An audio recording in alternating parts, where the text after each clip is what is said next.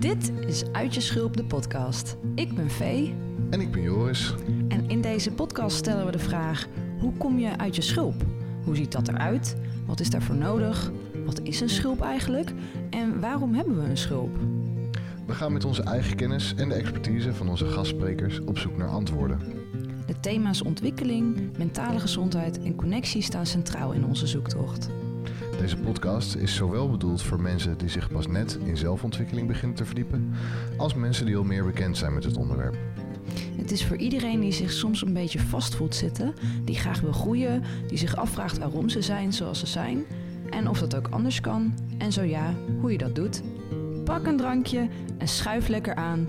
Laten we beginnen.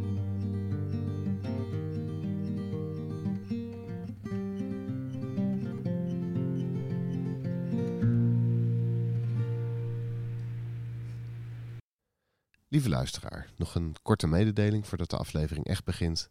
We hebben deze aflevering opgenomen op een fantastisch stuk nieuw techniek dat we hebben aangeschaft. Alleen waren we nog niet heel erg bedreven in hoe dat ding werkt. Dus helaas uh, is de audio-kwaliteit van deze aflevering wat minder dan jullie gewend zijn van ons. Uh, vanaf de volgende aflevering wordt dat zeker weer beter. En onze excuses daarvoor. Ik hoop dat je er doorheen kunt luisteren, want uh, het is de moeite waard. Welkom bij een nieuwe aflevering van Uit je Schulp, de podcast. vandaag zijn Vee en ik samen met Eva Schreuder. Ik zal heel kort iets zeggen over wie Eva is. Uh, Eva is kunstenaar en juwelier, voornamelijk juwelier denk ik. Maar in een voorgesprek dat wij hadden met elkaar, begreep ik dat je erg bezig bent met dat snijvlak. En, en, zelfs ook het spanningsveld ertussen misschien wel. Daar gaan we het denk ik uitgebreid over hebben vandaag. Dingen die me opvielen in even een klein beetje over jou lezen online en voornamelijk op je, op je Instagram, want je website is even in, in onderhoud, zag ik, volgens mij. Ja, een gedeelte daarvan. Ja, oké. Okay. Het meeste doet het wel, behalve de, de op maat gemaakte dingen. Oh ja, oké. Okay, ja. ja um, website. De term uh, heartfelt en, en handmade uh, kwam, uh, kwam naar boven. je maakt eigen collecties van, van sieraden in serie, maar ook unieke stuks. Uh, en je maakt ook collecties voor uh, andere partijen, zoals de Lakenhal onlangs en het Rijks. Zat ja, nou ook bij? ja, ja, Rijksmuseum. Ja. Rijksmuseum. en het viel me ook op dat je, dat ik vond dat je enorm mooi schrijft op, op Instagram. Heel puur en zuiver komt over. En we gaan sowieso ook linken in de show notes naar, naar de Instagram van Eva. Eva is al 12,5 jaar bezig, ongeveer, ja. Voor zichzelf. En uh, is dat, uh, als je dat uitdrukt in huwelijk, ik weet niet, is dat hout of... in de huidige tijd zeker goud. Zeker goud. ik dacht dat je een houten huwelijk. Goud, een gouden relatie met haar eigen vak. um, en, gouden jubileum. Ja. Uh, Zelf. ja, zeker, ja. Ja. En, en één zinnetje die, die ik heb opgeschreven, die ik las in een van de teksten... Uh, die me ook deed denken aan het gesprek dat wij de laatste keer hadden, is uh, de zoektocht naar vrijheid in kleine kaders. Misschien is dat dan gewoon een leuk uh, startpunt om. Ik weet niet, ik gooi een balletje op en ik, ik ben benieuwd wat. Ja, het is mooi dat je die eruit haalt ook. Bij jou. Ja. En dan weer, ja. En je mag, je mag alle kanten mee opgaan. Ja, nou, een praktische is dat ik geen juwelier ben, maar sieraadvormgever. Dus een juwelier is meer die verkoopt sieraden die ergens anders gemaakt worden. En ja. ik heb me wel echt toegelegd op het ontwerpen. En dan inderdaad uh, ontwerpen op maat bij voorkeur. Dat kan in kleine series, zoals voor het Rijks. Mm -hmm. Maar kan ook uh, op maat voor mensen. Um, en ik doe dat inderdaad uit een overtuiging dat er in, in een sieraad, wat, wat als je dan direct wil vertalen naar die zin die je net noemt, mm -hmm. in zo'n heel klein sieraad ontzettend veel symboliek zit. Dus uh, om het makkelijkste voorbeeld te noemen, een trouwring um, is eigenlijk de meest saaie ring die je kan verzinnen, want die moet heel lang meegaan. Dus je wil dat dat uh, op je twintigste, maar ook op je dertigste en op je vijftigste nog een ring is waar meerdere dingen bij zouden kunnen passen, of die je dan ook nog wel mooi vindt. Dus daarmee versimpel je het ontwerp vaak, maar nog voordat je die ring überhaupt draagt, zit daar al een heel verhaal aan. En een belofte en een voornemen en een, en een geschiedenis. Uh, dat is een heel klein kader. Letterlijk, het object is heel klein. Waar je heel veel in kan stoppen, maar waar ook heel veel vrijheid in kan zitten. Dat vind ik interessant, maar dat is ook wel, eh, denk ik, een overtuiging in ehm, hoe ik in het leven sta. Dat ehm,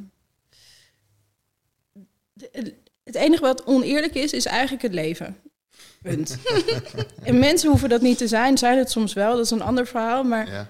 het leven doet gewoon wat het leven doet. Dus Ja. je krijgt van alles op je afgeslingerd. Of dat nou een dode moeder is, of een eh, eh, zelfmoord. Of, en dan heb je het over de extreme, maar ook over eh, financiële complexiteiten enzovoort, enzovoort. En ik denk dat de kracht van elk individu is om dan binnen zo'n eh, vernauwing of moeilijkheid te kijken. Maar wat, wat ligt dan wel nog binnen mijn capaciteit? En wat kan ik dan nog wel? Eh, ik vind dat zelf heel interessant en dat zit, ik word daar ook creatief van. Ja. Ook een beetje boos, maar op een goede manier soms. maar kan er ook heel gelukkig van worden. En ik denk dat sieraden bij uitstek de vorm zijn die daar ondersteunen. Echt letterlijk een, een drager voor herinneringen of een drager voor voornemens of eh, talismannen in kunnen zijn. Om jezelf bij die kern te houden. Oké, dit is nu op me afgeslingerd. Ja, K, Ja. balen. Ja. Ehm, Maar ik, ik, ben... schelden hoor. Ik bedoel, Oh, kloten van de bok. we censureren hier niet. Je mag je uitdrukken zoals je wil. En als Ja. dat kloten is, dan doen we het kloten. ja, nee, ja, ik heb een... Ja, grappig. Ik ben redelijk fel gebekt. Oké, mooi. Nou, ja, nee, we zetten er gewoon een waarschuwing bij. Ja. Ehm, maar, maar dan, dat is wat het is. Dus daar moet je het dan maar gewoon mee doen. Daar heeft, het heeft niet zoveel zin om dat oneerlijk te vinden. Of om Mm. daar überhaupt iets van te vinden van het feit dat, dat je dat nu overkomt. Mhm. Ja. Maar, maar dan nu, hoe verder? Dus ik denk dat dat... Ik weet niet in welke context ik die zin heb geschreven, maar dat dat, eh, de, dat, dat eh, is wat ik daarmee probeer te zeggen. De vrijheid zoeken binnen kleine kaders. Ja, Ja. mooi. Ja. Ja. Ik heb hem inderdaad expres even uit de context gehaald om te, te kijken wat je er, welke kant je ermee op zou gaan. Eh, want inderdaad, in de context eh, ligt hij in lijn met hoe je het nu uitlegt, denk ik. En uit de context. ja, en, en uit de context. ook over de wc kunnen beginnen. Ja, nee, precies. Ja, ja, ja. Eh, uit de context was ik benieuwd of het ook een, eh, een haakje was naar wat je mij de laatste keer vertelde over de, de kaders waar je je ook in begeeft als kunstenaar in een commerciële wereld. Eh, dus ik was benieuwd of dat, of dat haakje zou landen. Maar dat- was wel mooi dat je die gelegd hebt, die had ik zelf nog niet gelegd. Nee. Nou ja, eh, onbewust. Ah, zie je? Het ja. helpt om te praten. Eh, even kijken hoe. ja, want waar we het laatst over hebben gehad, is dat er een. eh ehm, even terughouden hoe je daar goed aan begint. Ik vertelde jou toen dat ik in een soort transitie zat. Dat ik heel lang getwijfeld had of ik nog naar een commerciële retailersbeurs ging met mijn sieraden. Omdat je daar direct naast accessoire lijnen staan. Ja. Die ehm, niet met dezelfde intentie ontworpen worden. En zeker niet met dezelfde intentie eh, gemaakt worden. Dus vaak is, is de productie dan in, in India en, of Indonesië met als objectief veel voor weinig. Mhm. Het moet vooral niet veel kosten en het moet vooral de illusie wekken dat je iets heel moois koopt of iets heel waardevols koopt, zonder dat dat het daadwerkelijk hoeft te zijn. Mhm. Dus het, er- er zit geen investering in van iemand per se. Je weet niet wie dat heeft gemaakt. Je weet niet. ehm, het gaat allemaal om, om het beeld. Een beetje een Instagram, maar dan real life. Zeg Ja. maar. Eh, en ik ben nu twaalf jaar bezig en ik ben twaalf jaar geleden, twaalf en een half. Want het is gouden huwelijk, hè? Ja. Ehm, echt gestart met het idee om iets toe te voegen aan, aan de wereld van degene die mijn sieraden dragen. Eh, juist in dat gevoel van talisman. En eh, dat dat je daar een beetje troost of misschien een beetje lol in kan hebben. Of eh, net probeert die kwinkslag te vinden. En, en daar ideeel ook altijd de productie in eigen atelier gehouden. Mm. En dat, inmiddels eh, maak ik het echt niet meer allemaal zelf, maar zitten er mensen in mijn atelier die, ook, die je dan gedurende een paar jaar moet opleiden, zodat ze ook jouw handschrift daadwerkelijk kunnen reproduceren. En Ja. ik ben daar natuurlijk heel nauw bij betrokken. En eh, waar mijn twijfel heel erg zat om naar die retailbeurs te gaan, is dat je, eh, dat je eigenlijk op een soort van wetveld komt waar die twee naast elkaar liggen en waar, waar de aandacht die de consument heeft, eh, die daar rondloopt, ongeveer twee minuten is. Mhm. En dan doe je het best aardig met Mhm, twee minuten. Waarin gescand wordt op hele andere ehm, criteria eigenlijk dan wat het sieraadvak zou moeten zijn. Of, en en als je het, ook dat vind ik dat je dat breder kan trekken, wat het leven zou moeten zijn. Waarmee omring je jezelf zegt heel veel over wat je jezelf. ehm, waar je jezelf mee voedt. Of dat nou eten is, of dat nou je omgeving is, of eh, je, je agenda is, bij wijze van spreken. Hoe je je dag inricht. Eh, en ik eh, heb in de afgelopen twaalf jaar gemerkt dat daar. En eh, elke keer als ik dit zeg, roepen mensen meteen: ja, maar ik denk wel dat het aan het veranderen is. En ik, dat hoop ik ook heel erg, dat gezegd hebbende.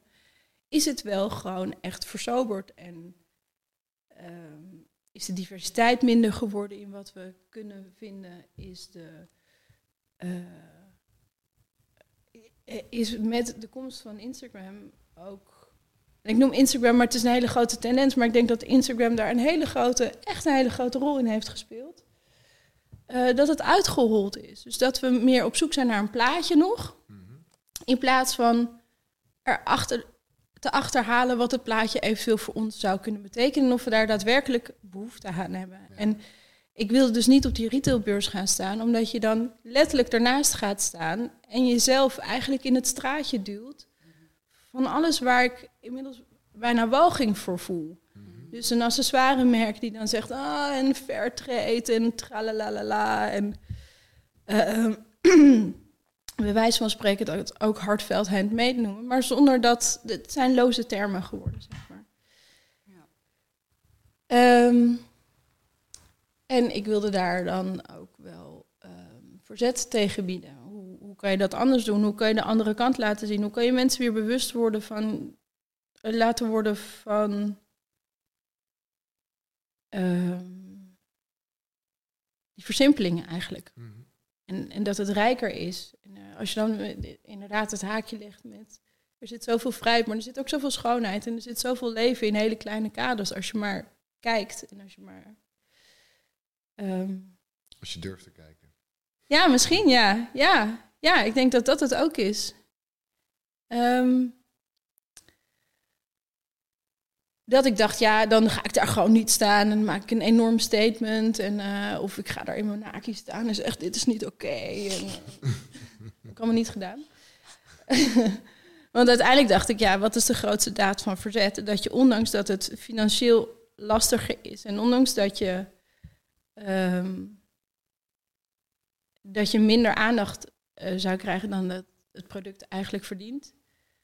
Wel zorg dat er nog steeds een alternatief is. Dus wel zorg dat die sieraden nog wel zijn. En wel zorg dat je, dat je eh, meerwaarde biedt in wat je dan hardveld of handmade kan doen. Maar dat je daar ook dat je dat uit kan leggen. Ehm, dus zo, maar ja, een punt misschien. Ja, Ja. Ja, mooi. en ehm, eh, ja, dat vind ik eigenlijk wel mooi dat integriteit dan de vorm van verzet is, eigenlijk. Ja. Ja. misschien ja. Ja, Ja. Het is, stoïcijns doorgaan. ja, ja, tenminste inderdaad gewoon bij jezelf blijven, ondanks dat je het eh, eh, moeilijk vindt. Ja, Ja, ja, ja. dat is mooi. Ik denk dat dat ook wel een beetje soort van de hart of uit je schulp komen is, toch? Gewoon doorgaan, ook al vind je het moeilijk. Ja, ja, ja, eh, ja. Ja, op jouw Ja. manier, op jouw eigen manier durven door te gaan, denk Ja. ik. Dat is het Ja. vooral. Ehm, Ja, ik eh, vond sowieso een aantal dingen echt heel, heel erg interessant. ehm, die misschien helemaal niet interessant zijn voor deze podcast. eh, maar Goed begin.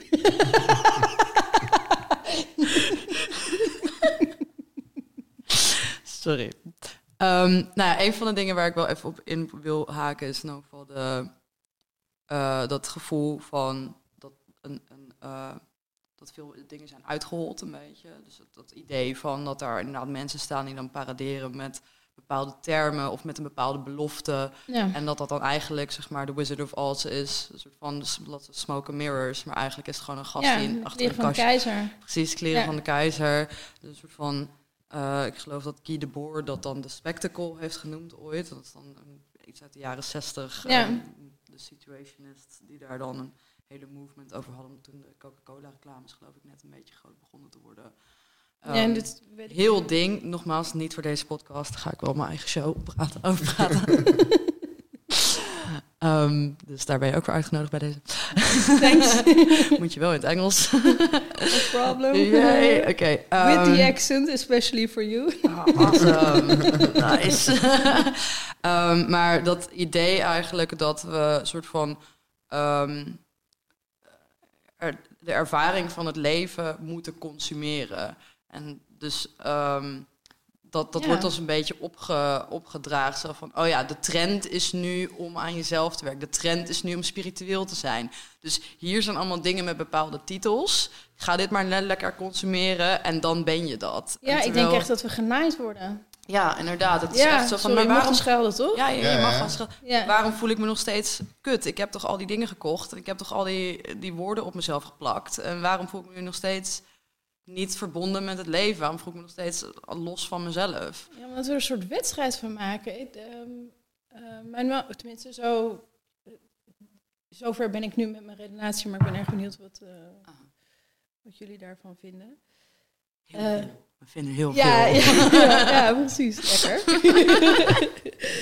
Eh, mijn man die had laatst een boek gelezen, La Lenteur heet het. Een boekje wat hij ergens gekocht had. Ehm, ik weet niet van wie, ik weet niet hoe, maar het ging over eh, het verdwijnen van de traagheid eigenlijk. Mm. Mhm. En eh, wat, wat hij navertelde en wat bij mij echt wel een soort van... Oh ja, nee, ja, maar dat eh, effect had... is dat op het moment van de industriële revolutie... eh, kwam er opeens een objectief, objectieve meetlat langs het werk wat je kan doen. Mhm. En dat was in eerste instantie de, de machine die hetzelfde werk als een van de arbeiders kon doen. Ja. En die deed dat altijd in hetzelfde tempo. Mhm. Altijd volgens dezelfde kwaliteit. En met de komst, en dit zijn gewoon historische feiten, met de komst van die machine kwam er ook een klok Ja. in de werkplaats die daarvoor nooit, nooit daar had gehangen, want die had geen functie. Het was gewoon af wanneer het af was en, en goed wanneer het goed was. Ja. Dus dat was, dat was een subjectief oordeel door een ervaren arbeider die aangaf en nu is het klaar en nu is het goed. En dan zet je dan de machine tegen. En dan wordt het opeens geobjectiveerd. En ik denk dat dat zo'n enorm effect heeft, dat plus eh, kapitalisme, waarbij de grote graadmeter en de grote religie uiteindelijk het geld is geworden, wat in alles objectief is. En of je nou het geld letterlijk je bankrekening noemt, ofwel de Mercedes waarvan iedereen weet dat die veel te veel geld kost. Of, Eh, dat, zijn, vakanties. Ja, dat zijn allemaal graadmeters. En ik denk echt dat Instagram of social media in zijn algemeenheid dat nog veel zichtbaarder heeft gemaakt. Want voorheen stond die auto voor je deur en wat je binnen deed, dat deed er, of tenminste, dat was onzichtbaar. En inmiddels is ook zelfs wat je s'avonds eet, moet mooi opgemaakt en, eh, nou ja, weet ik veel. Er zijn er, er is ook bijna een soort van geobjectiveerd, dat moet dat en dat en dat zijn. Ja. En ik denk dat we daarmee zo zijn, zo los zijn gekomen van het zelf maken Mhm. in de basis van, en daarmee ook zelf je geluk maken, dat we daadwerkelijk zijn gaan geloven dat we het recht hebben om gelukkig te zijn. Wat een load of bullshit. Echt niet. Het is echt niet, er staat echt niet. Nee. Nee, je hebt niet het recht om gelukkig te zijn. Je kan er naar streven, Maar dat is, dit is, eh, nie- niemand kan jou gelukkig maken. En je kan ook van niemand verwachten dat ze jou gelukkig gaan maken. Dat is echt iets wat je zelf moet doen en wat je zelf kan doen. Wat ook een enorme kracht heeft uiteindelijk als je dat je toe-eigent, denk ik. Ja. Maar verwachten van je omgeving dat zij jou gelukkig gaan maken, is setting yourself up for disaster. Ja. En hoe, hoe heb jij dit in je leven geleerd? Ja, ik denk in die zin een harde, maar eh, zeer effectieve leerschool heb gehad. Dat ehm, ik uit een redelijk onstabiel eh, gezin kom. Mhm, Of tenminste gezin, één ouder gezin. mhm, En maar overigens nooit heb- echt heb gerealiseerd hoe onstabiel dat was tot Mhm. pas later. Eh, en, ze, en mijn moeder overleed toen ik 22 was. Dus toen was het ook gewoon vloes. mhm. Over moest je het zelf doen. Eh, en dat. eh, ik heb natuurlijk ook daar ook veel moeite mee gehad. Maar ik zie dat ook wel echt als een gift. Mm. Omdat je veel meer teruggeworpen wordt op. Oké, nou ja. Grote kans dat ik over twintig jaar eruit lig. En dat ik onder de zoden ga. Want zij was ook heel jong, hè? Mhm. Ehm, dus ik heb nog zoveel tijd. Eh, wat ga ik doen? Dus het is een, een gevoel van haast en het moet nu. En het heeft toch geen zin om te gaan werken voor je pensioen. Want ja, grote kans dat je het niet haalt. Dat kan gewoon. Eh, maar aan de andere kant ook dat er gewoon. Ik mocht het ook zelf weten. Ja. Want er was geen overkoepelende oudersituatie meer. En er was, er was niemand die mij kon vertellen hoe ik het moest doen. Ja, En dat is je mocht het zelf pijnlijk. weten, maar, maar- je, had, maar je had het ook zelf te maken. Dus. Ik moest het echt. eh, en ik denk dat ik dat. Hij is inmiddels 17 jaar dood. eh, dat ik in de afgelopen eh, vijf, vijf tot zeven jaar me ook realiseerde hoe onstabiel de thuissituatie is geweest. Zij was, zij was alles behalve stabiel. Ja. Ehm, dat ik dat altijd al heb gedaan. En dat zit heel erg voor mij in het maken van dingen. En heel erg in het. eh, Oké, jij zegt dat dat niet kan, dan ga ik het toch doen. Maar op mijn manier.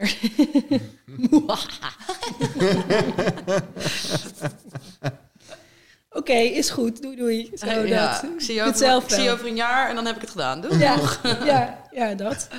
Ja, Eh, een soort Pippi Langkous. Ja. Ja. Ja. En zijn er, zijn er talismannen die jij bij je draagt, aan je draagt, in je, in je huis hebt staan of wat dan ook, die te maken hebben met dit stuk van Eva? Of deze, dit hoofdstuk van je leven? Nee, grappig genoeg niet echt. Nee. Nee, je zou zeggen van wel. Ja. Ik kan ze heel goed maken, maar niet voor mezelf. Oh ja. Maar voor mij zit het echt in het. Of het is vluchtig. Het het is niet zo dat het helemaal er niet is. ik heb de, de tekentafel van mijn moeder nog. Ehm, want zij tekende ook veel. Mhm. En dus daar is, dat is waar we elkaar heel erg ook in vonden, in het, eh, in het creatief en in het maken. Overigens een wijze gift hoor, van deze labiele moeder. Mhm. dat ze me dat heeft meegegeven. Ehm, maar ik denk er wel eens over, de, eh, fatalistisch als ik ben. Want ik denk ook dat ik over 15 jaar dood ben. En, en dus ook dat mijn huis een keer gaat afbranden. Wat zou ik dan meenemen? En ik zou het echt niet weten. Nee, je kinderen hoop ik. Ja, Maar spullen. nee, ik had het zijn over geen spullen. spullen. Kinderen zijn geen spullen. Nee, Of niet? nee. Ik weet we het hebben niet. kinderen die, die meteen uit het raam en ik ga erachteraan. nee, goes without question. Ja. Nee, maar van spullen. Eh, nee, ik zou het niet zo goed weten. Nee. Nee, ik zou het echt niet zo goed weten. Grappig, hè? Dat je dan wel specialiseert in spullen die troost kunnen bieden, maar zelf dat niet. eh, Maar is dat niet een beetje een soort van hoe het vaak, hoe het vaak loopt dat mensen dan eigenlijk iets proberen te maken wat zij in hun eigen leven nodig zouden hebben en het dan voor iedereen supplyen, maar niet voor zichzelf kunnen geven? Ja, ik denk dat dat voor heel veel dingen waar is. Maar ik, ik moet eerlijk zeggen dat ik ook niet per se de behoefte heb aan zo'n. aan het materialistische wat blijft. Ja. Eh, Ja. Dus ik vind het ook mooi dat het huis evolueert en dat het verder gaat. Eh, ik heb wel altijd een trouwring en, eh, en drie ringen aan die echt wel iets voor mij symboliseren. Maar van die trouwring denk ik nu, ja, maar ik ben inmiddels 15 jaar geleden getrouwd. We hebben niet meer hetzelfde huwelijk. Ik zou wel Mm. willen dat hij een andere vorm krijgt. Ah, ja. Ja. Dat het nu beter bij mij past. Ja. Dus als je zegt, ja, je huis is afgebrand, dan zou ik dat eh, eh, natuurlijk balen vinden. En tegelijkertijd denk ik, oh cool, ik kan een nieuw huis bouwen. Mm. Ja.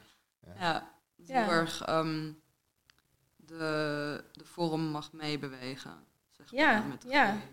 Ja, ja, zeker wel. Ehm, Je zegt fatalistisch en het woord hoop kwam ook langs.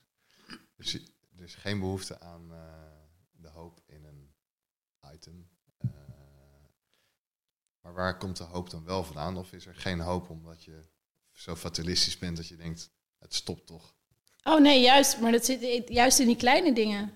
Ja. Dus het, het opnieuw kunnen opbouwen, het zelf kunnen maken, daar zit voor mij Ja. de hoop in. Ik zou, ik zou oprecht liever sterven dan dat ik niks meer mag maken.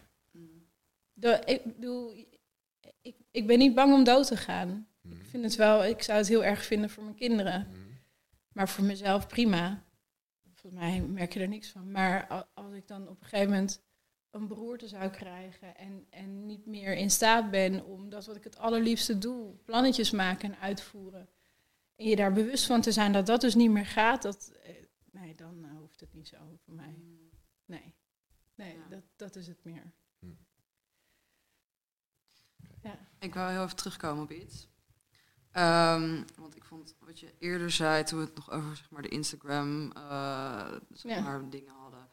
Eh, het, het idee van dat dus niet iedereen het recht heeft om gelukkig te zijn. Ja. En mijn vraag is dan ten eerste, wat is geluk voor jou? Wat, wat, wat zou jij omschrijven als, als wat is geluk?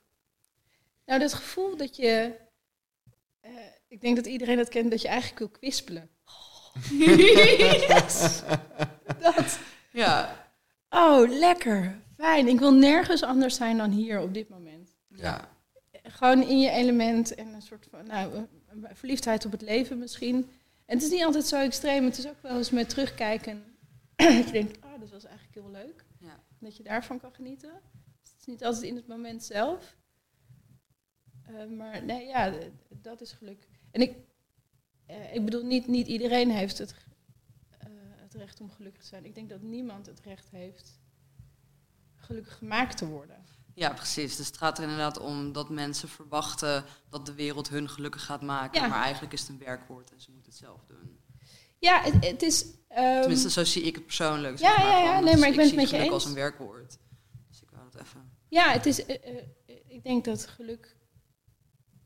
Jezelf gelukkig maken, dat dat de kracht is eigenlijk. En dat je niet kan verwachten dat dat van buiten komt. Het- Op een bepaalde manier zie ik daar ook een parallel in met het idee over ziekte en dood en rouw. En ik heb het natuurlijk van dichtbij meegemaakt, maar wat ik.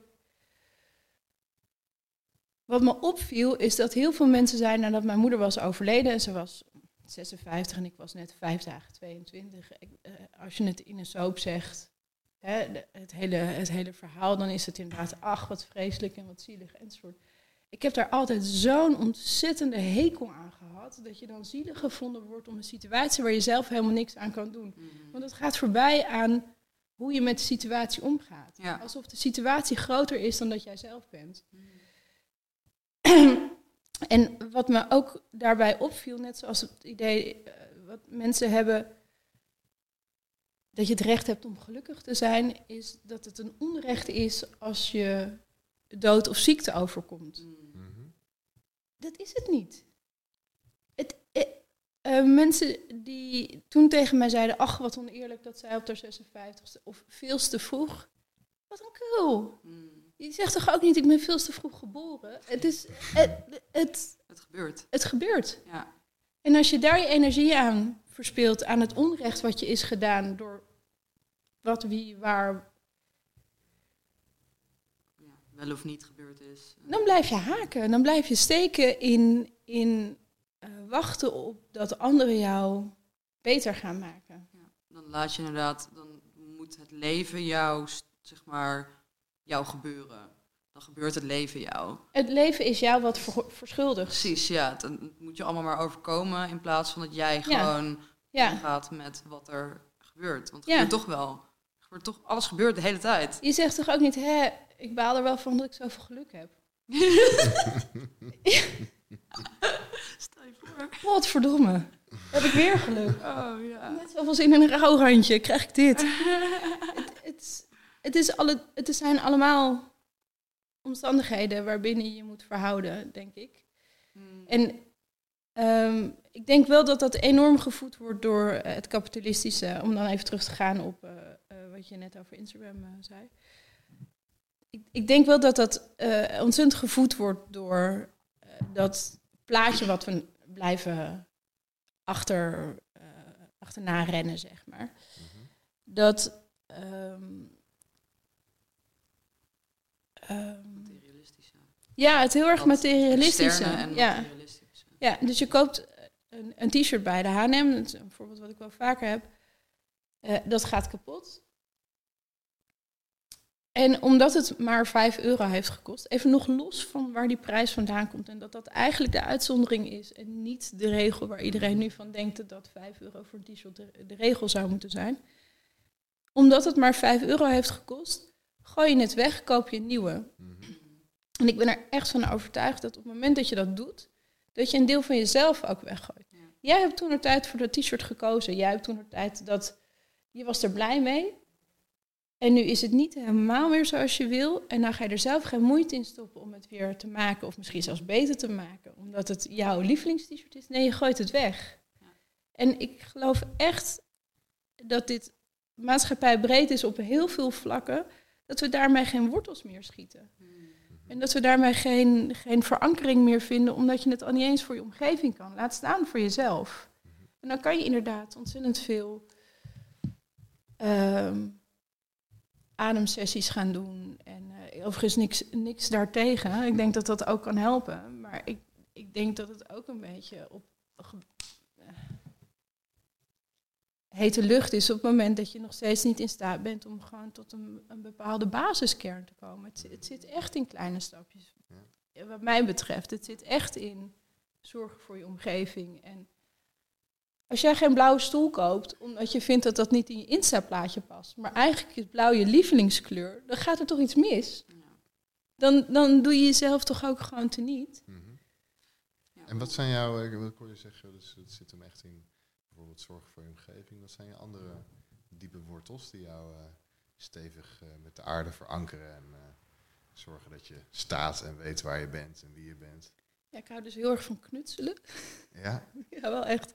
Ik vind het heerlijk om met mijn kinderen dingen te maken. Ze zitten nu op naailes ook en dan zelf ook weer aan het naaien geslagen. En dan zitten we na te denken over, oh, zal ik dan een regenjas voor je maken? Of, dat soort dingen vind ik heel leuk, maar het zit, het, voor mij is het ook koken. Mhm. Eh, en dan eh, komt de, sorry, de oudste van de schooltuin terug met courgetten en dan gaan we die inmaken. En, eh, en ik weet dat dit allemaal ontzettende hipster voorbeelden zijn in die zin. Omdat dit ook allemaal op Instagram staat. ja. Wat niet, hè? Wat niet. Ja, Ja. nou ja, precies, wat niet. Ehm, maar ja, ik, dat, dat samen iets maken met mijn kinderen ofwel zelf. Ja. Ehm, we hebben ook een traditie om elk jaar voor oud en nieuw een eh, nieuwjaarskaart te maken. En dat, dat, ik ga daar helemaal op los. Vorig jaar heb ik een boekje gemaakt. Helemaal zelf boekbinden enzovoort. Moeilijk, moeilijk. En een keer daarvoor een soort uitknipplaat van het hele gezin. Dan had ik iedereen nagetekend. En Mhm. dat doe ik voor niemand. Ja. Dus in Het beeld heerlijk. Dat, in het beeld dat Eva graag over zichzelf ziet, is ze lekker aan het knutselen met haar kids of voor zichzelf dingen aan het maken. Ja, dat. Nee, ja, nee ik, ik ben niet alleen maar dat. Ik Ja. eh, ga ook graag weekenden naar Parijs. En Ja. dan eh, echt mijn neus achterna, helemaal in mijn eentje, naar Ja. musea. En eh, ik ben dit jaar twee weken naar Florence geweest. Waar ik alleen maar achter de werkbank heb gezeten. En alleen maar aan mezelf hoefde te denken. En dat, dat voedt weer een heel ander deel. En dat is ook wel vrij essentieel. Ja. Ehm, dansen.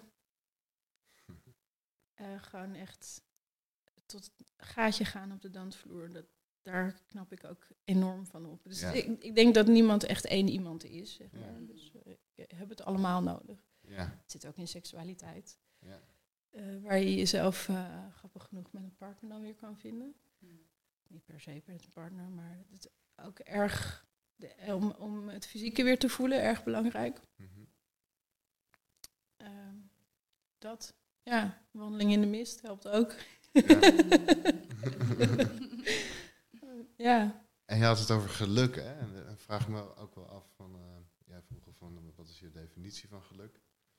Eh hoe mooi dat je zei dat je eigenlijk dat je wil kwispelen. Ja. Ehm, maar is geluk dan het ultieme streven in het leven? Of wat, wat, wat is het dat je... oh, mm.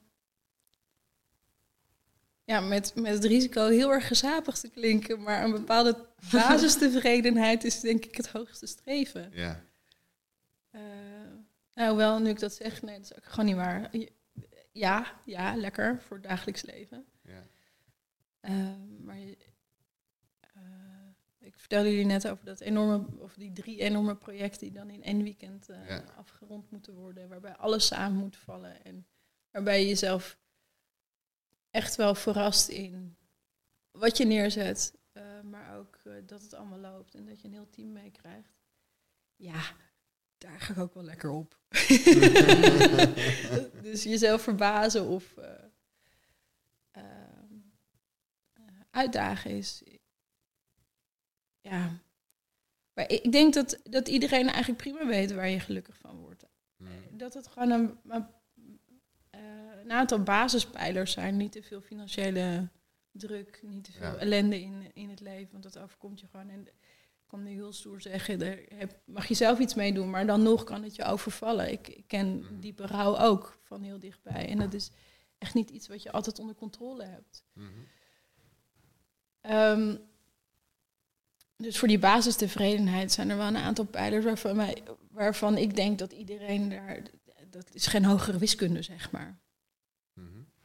Ehm, En ik denk wel dat het idee dat, dat we op zoek moeten zijn naar geluk, dat dat onderdeel kan zijn van eh, het zoeken van het geluk in allerlei dingen eh, en niet in jezelf. Dus ik zie dat niet als een soort van het, het meest nastrevenswaardige. nee, zie hè, dus eh, inderdaad een, een soort basis, maar ook het omarmen van de momenten dat je je niet gelukkig voelt. ja, En, het gelu- en weten dat het geluk ook weer komt. En zelfs dat als het echt goed lukt om in een moment dat je niet gelukkig bent, dat echt omarmen, dat zelfs daar geluk in kan eh, Ja, absoluut. worden. ja, misschien moeten we het geen geluk noemen, omdat het iets is wat, eh, waar je naar moet hè? streven. Misschien zit het schoonheid. Ja, Is het, is het de schoonheid omarmen die in vers- verschillende vormen komt? En, en de wijsheid die daar dan ook in ligt of zo? ja. Ehm, inderdaad, wat jij zegt, van dat eh, echt eh, tot het gaatje gaan, tot aan zo wil ik niet verder, die ken ik. Mhm. Niet dat ik ooit heb gedacht, nu, nu maak ik er een eind aan, Mhm. maar je, wel dat spelen met die gedachten. En tegelijkertijd weten, oké, dit is dus het, nu loop ik op het randje. Mhm. Wat is hier dan te vinden? Wat valt hier dan nog? En ik, eh, niet dat ik nou overal zo super wijs in ben hè, en zo. Het klinkt een beetje alsof je de waarheid in pacht hebt. Helemaal niet, maar helemaal Ja, niet toch- zelfs. Het is toch maar, fijn dat je een beetje een idee hebt dat je, dat je, dat je wat te vertellen hebt in het leven. En dat je niet ja, maar ik denk dat ik gewoon in heel veel in gaten al gevallen ben. Ja. En- Maar en- misschien is dat ook een beetje, of tenminste, ik zit nu zelf ook een beetje na te denken over wat dan dat geluk, het gevoel van geluk kan zijn. En zelfs inderdaad, dus, maar je hebt natuurlijk hele obvious mooie momenten. Weet je, als je bijvoorbeeld de eerste keer je kind in je armen hebt, of weet ik veel, eh, als je eh, een geliefde na een lange tijd eindelijk weer in je armen vasthoudt of zo. Maar ik denk dat de minder obvious momenten van dat diepe geluk voelen voor mijzelf, is dat die momenten dat er dus zeg maar het leven gebeurt je, dingen shit happens Ja, and then you deal with it. ja, Ik denk dat daar voor mijzelf dat ik daar heel veel geluk uit kan putten. Van oké, er is net Lange gewoon echt een shitstorm over me heen gekomen en ik sta nog. ja, ja. En ik denk ook, nu we het er zo over hebben, dat, het, dat dit ook een soort van dogma is, wat, wat ons opgelegd is, dat alleen die momenten zouden tellen. Ja. Terwijl in. Ik, ik weet nog, mijn moeder was. Mijn moeder is niet heel mooi gestorven. Dus dat heeft echt heel lang geduurd. En eh, toen was het eindelijk gelukt. Want zo voelde het ook echt. Mhm. En dat je echt ook die opluchting voelt van... Jeetje, goed gedaan joh. Ja. Het is je gelukt, je hebt afscheid genomen. En eh, ze is letterlijk gestorven met een traan en een lach. En toen kwamen al haar zussen, want er zijn er nogal veel, en broers. En dat je ook, en dat, dat overviel me toen, want ik was echt, echt nog maar net 22.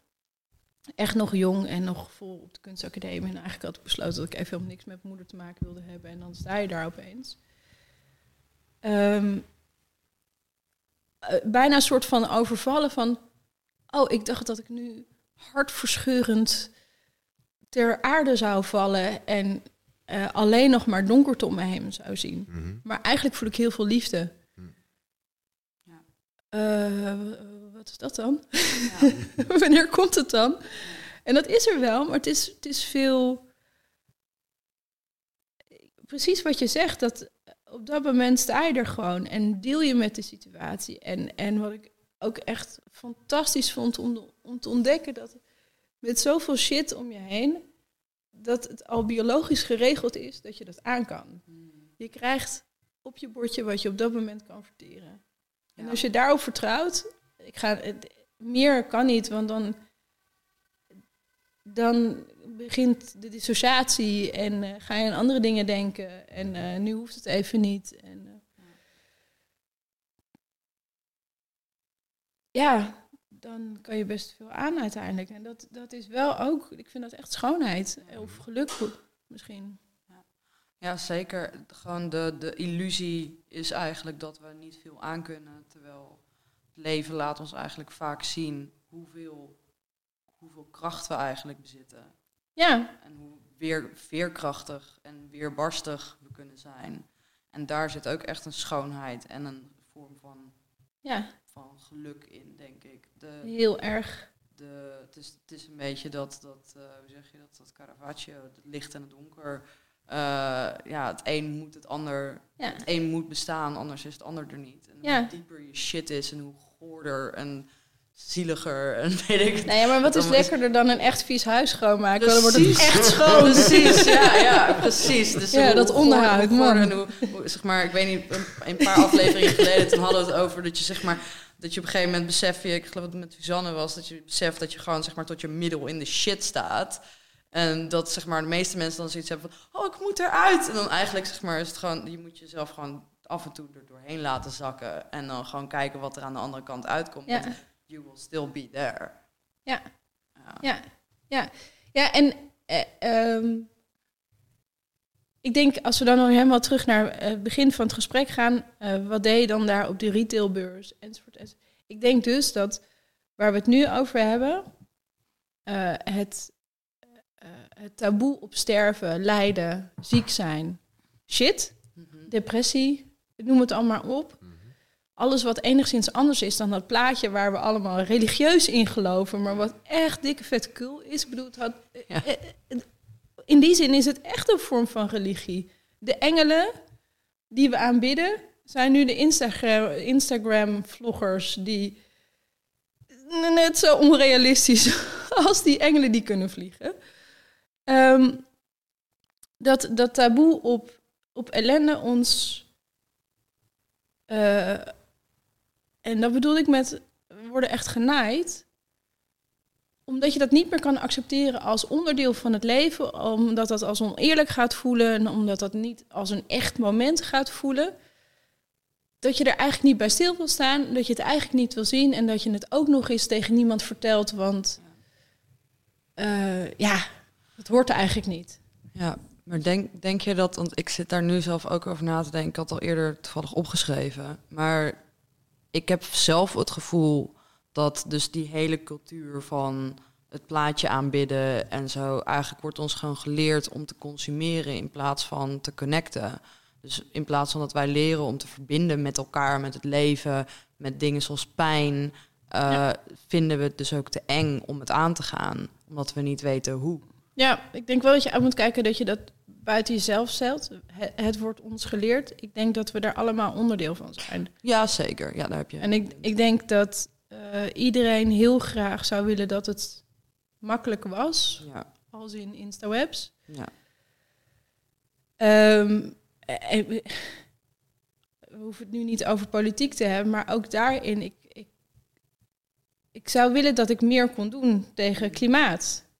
Eh, Maar ondertussen eh, ben ik hier nog steeds met de auto naartoe gereden, want de treinen deden het niet. En in plaats van dat ik dan bij hoofdkantoor NS ga zeggen, jongens, kom op hé. Of naar Rutte ga en zeg, niet dat ik daar binnenkom, maar even gewoon voor het idee dat er... eh, ik zou willen dat daar ook een soort van activisme. En dat kan je niet in je eentje doen, maar het is wel een hele generatie die nu. Onze generatie, de generatie net boven ons, laten we het niet over de boomers hebben. Maar eh, de kinderen die op dit moment gemaakt worden, die, die allemaal te maken gaan krijgen met een compleet uitgeholde samenleving waar geen sociale structuur meer is, waar geen eh, geen plan is voor klimaat. Waar we eigenlijk alleen maar luisteren naar, naar de hardschreeuwende, rijkste lobby. Hoe is het effing mogelijk dat Monsanto nog steeds alleen in Nederland Roundup over hele landerijen mag spuiten? Wat de fuck echt? Hoe kan dat? En je, ik weet het, een hele generatie weet het. En ik heb ook met klimaatmarsen meegelopen enzovoort. Maar er gebeurt niks. En dat is zo'nzelfde. eh, en ik, ik, ik worstel daar heel erg mee. Het is zo'nzelfde dynamiek bijna als eh, ik heb het recht op geluk. Ik heb het recht dat dit verandert. Nee, nee, nee, we moeten dit zelf gaan veranderen. Want anders gaat het niet gebeuren. En het werkt niet Wat door is- middel van het kopen van een dopper. Ja. Ja. Wat is jouw worsteling op dit moment in je leven daarmee? Wat zijn de vragen die je zelf stelt? Wat zijn de... Nou, wat ik heel lastig vind is, de, ehm, en Roxane van Ypres heeft dat met Zomergast heel, heel mooi verwoord, vind ik, dat je onderdeel bent van een systeem. En zij noemde de cavia race, die in een bepaald doolhof lopen. Ja. En hoewel een cavia zijn eigen weg kiest, is het doolhof dat staat. Mhm.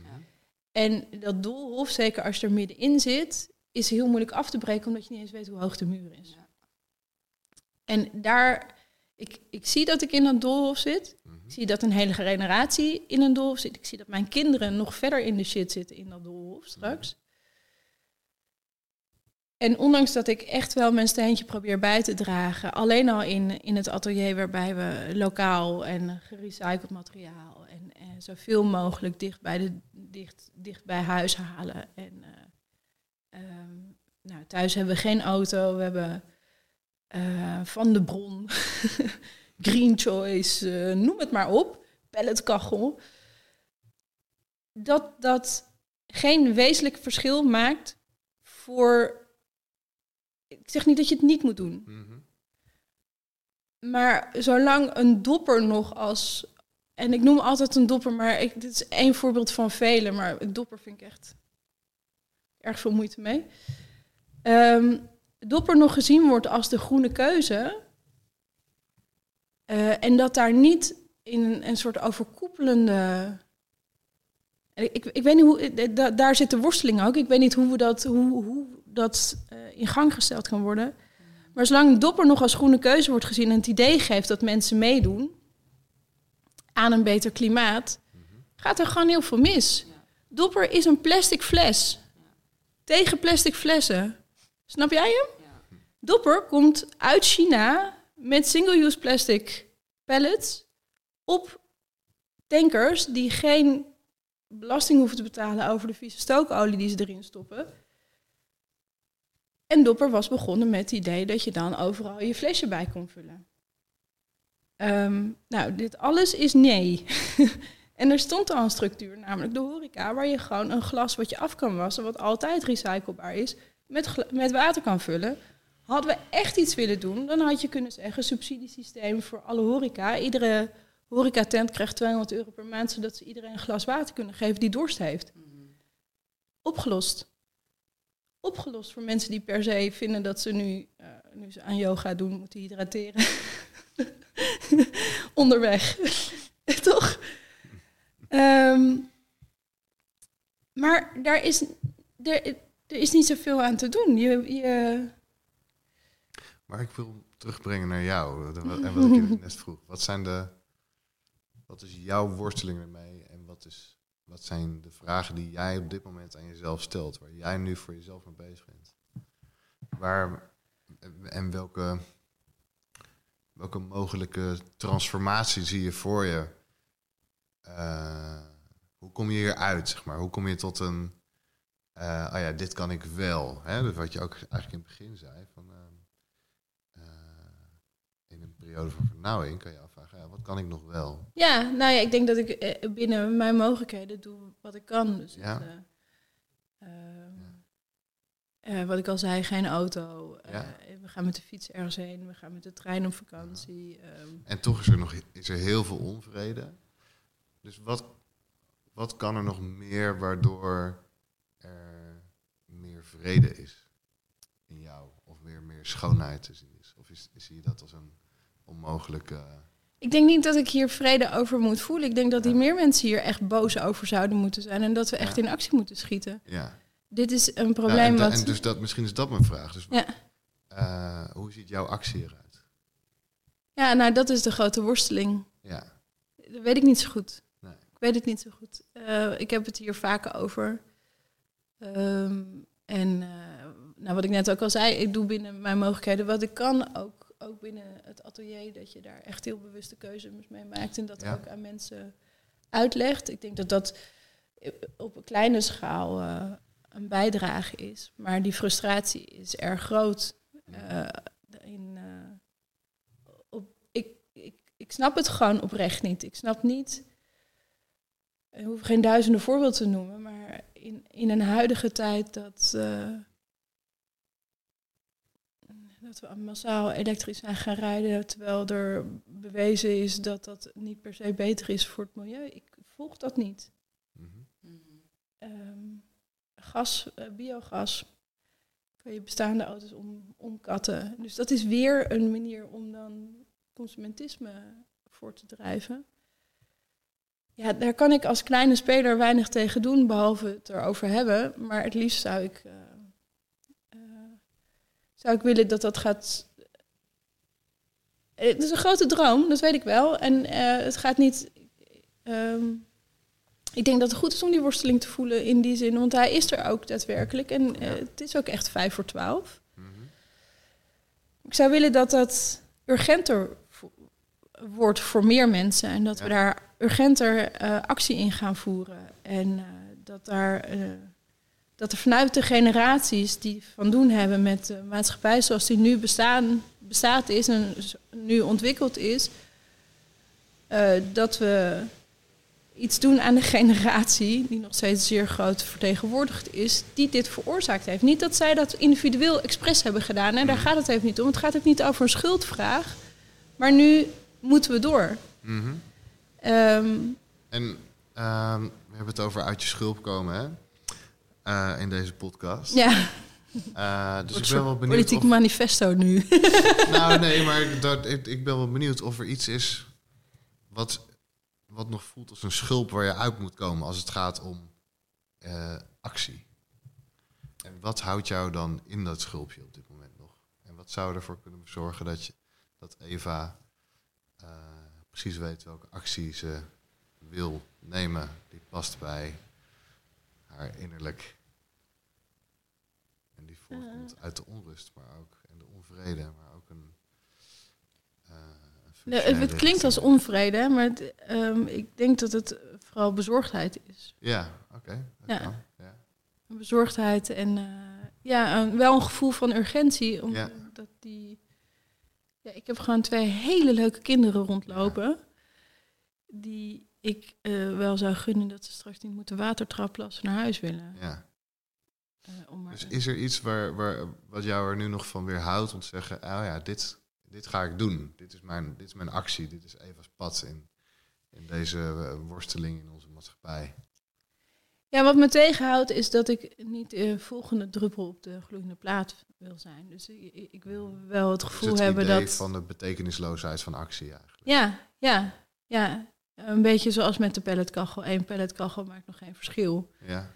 Eh, al, al die dingen die binnen mijn mogelijkheden liggen, die, die- ik heb het idee dat ik die wel aanpak.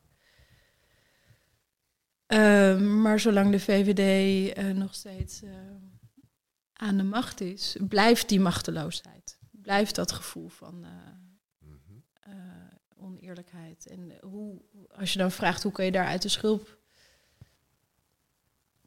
En stel je komt jezelf tegen, eh, hè, maar dan iemand die al vijf jaar langer op deze wereld is. Eva die al vijf jaar verder is. En die Eva heeft eh, morgen ervoor gekozen om eh, toch iets te gaan doen. Om te besluiten, het idee van de betekenisloos, betekenisloosheid van actie leg ik nu naast me neer en ik ga, ik ga iets doen. Ja, Hoe, hoe, hoe denk jij dan dat die Eva over vijf jaar in de wereld staat? Wat zou ze tegen jou zeggen nu? weet ik gewoon niet. Nee? Nee, weet ik gewoon niet. Nee, ik, ik snap je vraag wel, maar. ehm het grappige, ik heb laatst dit gesprek ook met iemand anders gehad. Het ging over Apple. Ehm, stekkertjes. Ja. En ik irriteerde me mateloos aan het feit, nog steeds overigens, dat Apple dan besluit, oh, nieuw, nieuw stekkertje. Ja. Nog beter. En dat er dan vervolgens een hele industrie komt met allemaal stekkertjes die gemaakt moeten worden. Ehm, en zij zei, ja, maar je moet daar niet ontevreden over worden. En je laat Apple gewoon, dit is een te groot probleem voor jou. Eh, en dat is waar. Ik voel er geen persoonlijke onvrede over mezelf over. In die zin, ik weet dat ik doe wat ik kan binnen de mogelijkheden die ik heb. Mhm. En misschien meer dan zelfs een gemiddelde. Want ik heb wat rijkwijde met, met de sieraden die ik maak. En je kan daar op een bepaalde manier, minimaal, maar wel een verschil in maken. Ja. Dus ik, ik ben niet persoonlijk. eh, ik neem het mezelf niet kwalijk. Maar ik vind wel dat het afdoen als dat is een te groot probleem voor jou, of je moet daar niet zo boos over worden, ehm, dat dat de dood in de pot is voor iets waar, waar heel veel mensen boos over zouden moeten gaan worden en waar we elkaar in moeten gaan verbinden. En, en dat, ehm, misschien dat dat de even zou zeggen van nou maak dan een groepje en ga dan wat doen en ga dan actie voeren op het Binnenhof.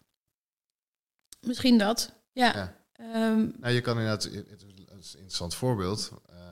Ik kan me het goed voorstellen dat met een voorbeeld als de kabeltjes innovatie van Apple, dat het misschien lastig is om te bedenken wat eerste stappen zouden zijn die jij gewoon als persoon kan ondernemen om daar iets mee te doen. Maar er zijn natuurlijk legio voorbeelden te bedenken waar je misschien wel iets, waar je misschien wel iets zelf al iets kan bedenken, omdat je het al bent tegengekomen in je eigen leven, in, in kleinschaal of wat dan ook, of dat je er mensen kent. Dus in die zin is het denk ik Ja, misschien Altijd al, hergroeperen, een, groep, een groepje mensen bij elkaar vinden ja, die eh, daar hetzelfde over denken en ook daar een stem in willen laten horen. mhm. ja. Ik denk niet dat stemmen, enkel stemmen met Eerste en Tweede Kamerverkiezingen, dat dat voldoende is. mhm. Dus eh, dat, dat misschien, ja. Ja. Ja, Ja. Wat, inderdaad, wat ik een paar keer hoor zeggen is dat je erover verbaast dat niet meer mensen dit, eh, hier iets mee willen en hier Ja, bij voelen wat jij voelt. Ik denk dat er best dan veel mensen zijn eigenlijk. Ja, dus dat, dat, dat is dan misschien Ja. wel een hele mooie... is hier boos over. ja, ja. Ik denk ja. dat er meer, meer mensen zijn dan... dan Ja, boos, zelf ook. moedeloos, machteloos, heel veel, heel veel emoties. En eh, bezorgd, zo, dat is er ook een. Ja. Ja, heel erg Dus misschien is het wel, eh, misschien eh, zit er wel, eh, is er wel een rol voor jou weggelegd in, eh, in het mobiliseren van, eh, of, of het verenigen van verschillende van die Ja. stemmen. Nou, Ja. nou, weet je wel, dat kan, dat kan van alles inderdaad. Ja, goede Eh, acties op poten zetten. Ja, nee, misschien. Ja, misschien Ja. wel. Ja, ja. Ik denk wel dat het nodig is. Of gewoon inderdaad, ik, ik denk dat dingen zoals ehm, de kleine dingen die wij die we kunnen doen in het leven. Voor veel mensen is het bijvoorbeeld ook soms moeilijk om te zien wat ze dan. Bijvoorbeeld ja, geen auto hebben. Ja, maar dat is toch onpraktisch. Ja. Oké, maar Ja. het kan wel. Ik bedoel, Ja. Er zijn mensen die het wel doen, dus hoe doe je dat dan? Ja. Ik denk dat dat ook voor veel mensen, weet je, als van ja, eh, bijvoorbeeld, ik vind bijvoorbeeld het idee van de spullenbibliotheek echt fantastisch. Ja. Maar weet je, gewoon, ja, Ja. zo- van die dingen die je één keer koopt en dan nooit meer nodig hebt. Ja. Ja, waar ik, waar ik Oh, met ja. al die dingen een beetje bang voor ben, is wat je. Eh, ik weet niet of jullie het spotje hebben gehoord van eh, ja, je moet nog maar vijf minuten onder de douche staan. Oh ja, wat is dat nou? De fuck. Het is Echt. gewoon 1984. Nee, maar gaan jullie. eh, Er wordt een soort gebruik gemaakt van een bestaande eh, bezorgdheid onder consumenten. Om daar. eh, en ik, ik vind echt een vuig, vuig reclamespotje. Eh, Niet gehoord? Kan je Nee, hij is heel, Ah, hij is ja, heel sorry. naar. Hij is heel Ja. naar. Ehm, het gaat erover dat we vanaf nu nog maar vijf minuten onder de douche mogen staan.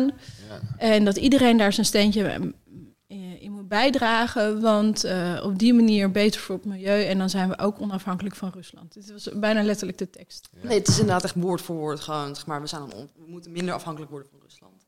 Ja. Oh ja, en het is ook nog goed voor en het het is ook goed voor het milieu. Maar eh, wat ik daar. Ten eerste wordt er gebruik gemaakt van een bezorgdheid die onder consumenten speelt. En daar speel je op in. Dus die angst wordt niet minder. Er zit geen geruststelling in. De tweede, wat ik er echt, echt heel lastig in vind, is dat er een emotionele chantage plaatsvindt. Waarbij de consument of de burger een verantwoordelijkheidsgevoel krijgt voor een probleem die, waar ze helemaal geen kloten aan kunnen doen. Aha. Ehm, en je hebt dat, bij de coronapandemie was er op een gegeven moment ook zo'n kantelpunt. Waarbij de burger verantwoordelijkheid in de schoenen geschoven kreeg voor de verspreiding van een virus. Terwijl dat virus doet dat zelf. Daar kunnen wij niet zoveel aan doen. We kunnen ons best doen. Maar het feit dat het dan alsnog verspreidt, kan je niet vervolgens bij de burger neerleggen. Dat is gewoon, dat overkomt iedereen. Nou, goed. En- En ik vind dat hetzelfde met dit probleem.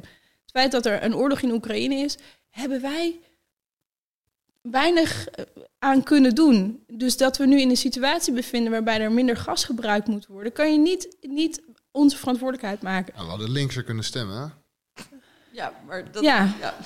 Ja, we hadden... Ik Maar wisten we toen al van die voor een oorlog? systeem, Nee, een systeem wat, Nee. waarin zeg maar, we al veel eerder hadden kunnen nadenken over een optie anders dan gas. Ja, het is Ja, een, Ja, maar ik vind ook, eh, eh, het is een eh, beetje we een hadden after- Het is een beetje een afterthought. Precies. En, eh, Maar en het is eh, wel, ik ben het niet helemaal mee eens. Want het is wel juist een van de dingen die, we natuurlijk, die natuurlijk iedere burger kan doen. Niet in relatie tot die oorlog. Nee, maar wacht, ik maak hem heel even af. gang, ik maak hem heel even af, want ik ben dat met je eens. Elke burger kan dat doen. Ja, Maar de afhankelijkheid van Rusland is iets wat vooral industrieel en politiek bepaald is. ja, nee, zeker. Daar ben ik En- het ook, daar ben ik En, ook voor. en Ja, natuurlijk ja. kan een burger een steentje bijdragen, maar laten we ons niet de illusie geven dat dat Ja. meer is dan een druppel op de hete plaat. Ja. Want het gros ligt gewoon op een ander vlak. En ik vind dat ook met, als je het over klimaat hebt, we kunnen allemaal een dopper kopen. En laten we dat bij, bij voorkeur doen. Dan moet je er niet zeven in je la hebben liggen, dan moet je het bij één houden en die gebruik je dan 15 jaar. ja, ook als hij gaat stinken. Ook als die gaat stinken, maak je hem schoon. Eh, tuurlijk. En ik vind dat we daarin kunnen heropvoeden. En, en dat graag zelfs, want ik denk dat dat ook inhaakt op dat minder consumeren en weer dingen zelf maken en repareren. Juist waar ik heel erg voor pleit. Dus ik denk dat dat heel goed is. Maar vervolgens die emotionele chantage leggen bij de burger. Dat ja, eh, klimaat ligt, eh, begint, beter milieu begint bij jezelf, wat waar is. Maar als daar vervolgens een hele bulk eh, politici, oud-politici, commissieleden, industrieën daar helemaal niks mee te maken hoeft te hebben. Dat IKEA niet eens belasting hier hoeft te betalen. Dus ook niet bijdraagt aan wat een sociale structuur kan zijn. Want ze hebben een postcodebedrijf. Als dat soort dingen niet beter geregeld worden, dan voel ik me wel een beetje het lulletje. Voel ik me wel echt een beetje voor het karretje gespannen. En eh, dat is waar die onvrede dan zit. Ik wil heel graag, heel graag dat ik met mijn bijdrage het daadwerkelijk het verschil kan maken. Maar ik voel me vooralsnog echt wel een beetje als het eikeltje behandeld. Die, eh, nou weet je wat? Is dat doolhof nog steeds? Ja. Maar ja, ik wil Ja. gewoon zelf kiezen welk pad. Zeg maar, de keuzes aan de verschillende paden, zeg maar, je hebt verschillende paden die je kan bewandelen. Ja, Ja. oké, maar die zijn nog steeds door iemand anders neergelegd. Daar heb ik helemaal niks mee te maken gehad. Ja, nee, en practice what you preach. Dus Ja. jij wil dat ik verantwoordelijkheid neem. Ja. Prima. Neem dan ook verantwoordelijkheid. Eerst baas in eigen, eigen huis. Zorg dat je back-office ook in orde is. Dus als, eh, ehm, Rutte, pak de trein. Dan zie je dat het voor geen meter meer loopt op het moment. Ja. Dat soort dingen. De, ik, eh, daar heb ik, verzet ik me echt tegen, omdat het oneerlijk is. Het is oneerlijk en het... eh, eh, je, ja. Eh, het probleem wordt er niet minder van. De angst wordt er wel alleen maar groter van. En dan vervolgens ligt die angst ook nog bij je eigen verantwoordelijkheid. Terwijl het is, het is maar een marginaal gedeelte van het probleem. Eh, waarbij degene die zegt dat jij verantwoordelijkheid moet nemen, eigenlijk het meeste verantwoordelijkheid zou moeten nemen en op moet pakken. En dat op een bepaalde manier aanspreken, daar, daar, dat zou ik graag willen. Mhm. Het zegt even van vijf jaar verder. Ja. ja. Ja. Ja. Ehm, Ik snap hem. ik ook. Ehm, zo verwonderde ik me inderdaad laatst over de eh miljarden subsidies die nu naar de energienota moeten gaan. Terwijl die, dat soort miljarden had je ook 30 jaar geleden in eh, duurzamer energiebronnen kunnen stoppen natuurlijk. Ja.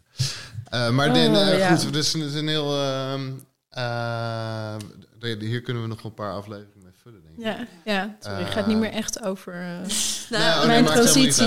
even. Eh, ik ga ook even een, een huishoudelijke mededeling. Volgens mij had jij tot kwart voor twaalf. ja, ik kan niet zien wat er op jouw scherm Ja, gebeurt. is Nog zeven minuten. Oké. Dat, nou, dat klopt, hè? Want dan, ga ik, Ja. dan, dan gaan we Ja. namelijk langzaamaan eh afronden. ja, Ehm, een van onze ja, joh, vragen stellen. Ehm, wat is het beste advies wat je ooit hebt gehad? Oh, Even een complete switch. doen. Ja. Gewoon fuck it. we hebben nog zeven minuten. Tering. Eh, oef. Ga ik even zeven minuten over nadenken. Oké, en, misschien, en misschien dan kunnen we hem even terwijl je erover nadenkt. Wat als jij nu aan onze luisteraars die luisteren naar Uit je Schulp, dus die, die hier zitten te luisteren met, weet je wel, zelf misschien dat ze in het schulp zitten of zelf misschien een probleem hebben zoals dat ze eh, zich vastvoelen in een, in een bepaalde plek en niet weten hoe ze daar mee om moeten gaan, zoals bijvoorbeeld de eh, eh, retailbeurs of zo. Dat zijn Ja. dat soort- Wat voor een zeg maar, als jij één luisteraar die het moeilijk heeft op dit moment met in zijn schulp zitten, advies kan geven, wat zou je ze dan vertellen? Ja, nee, ga wat leuks doen. Ik wil, ik, Ja. ik- en misschien kunnen we hem wel concreet. Ook, ja, dat, is, sowieso een goeie. Ga wat Ga wat leuks doen. Ja. Eh, heel, eh, heel fijn advies. En l- laat hem ook eens gewoon koppelen aan waar we het net over hadden. Dus eh, wij hebben natuurlijk eh, ongeveer 3 miljoen luisteraars per, per aflevering. We hebben het Eh, laatst dus, gecheckt. dus dit is, ja, we hebben de laatste cijfers bekeken. Dus dit is, dit is jouw eerste kans om, om eh, een, een groep mensen Hallo? aan te spreken die, Ja. eh, die eh, zich moedeloos of bezorgd of Ja. boos voelt. Ehm, wat zou je die mensen willen meegeven? Wat zou Eva die heeft besloten, ik ga in de actie, ik ga hier iets mee doen. Wat, wat, wat zou die Eva willen meegeven aan, eh, aan die mensen? Wat mijn hele goede advies zou zijn, toch? Dat is je vraag. Ja, Ja. Of niet eens per se advies, wat zou je ze willen vertellen? meegeven. Ja, gewoon, wat wil je meegeven? Wat, wat wil je kwijt? Als jij Welk- nu een miljoen welk mensen kan sentiment of aanspreken, welke, welke vraag of Ja. welke eh, aanmoediging of welke geruststelling of welke eh felle wat dan ook. Mag Maar het is wel goed, denk ik. Het is al goed. Je doet het al goed. Het is al goed. Het is al goed. Mooi. Ja. Ja. We gaan nou wat leuks doen. maar echt, ik weet niet, als je zin hebt om te dansen, ga dansen. Zet de muziek keihard aan. Ja. Fuck Ja. it. Ja. Ja. Heb lol. Volgens mij de motor van heel veel dingen. Ja. Ja. Ja. En het beste advies wat ik ooit heb gehad. Ja, moeilijk. ehm, in die zin, het, het is altijd heel erg tijd en situatie gebonden, denk ik. Ehm,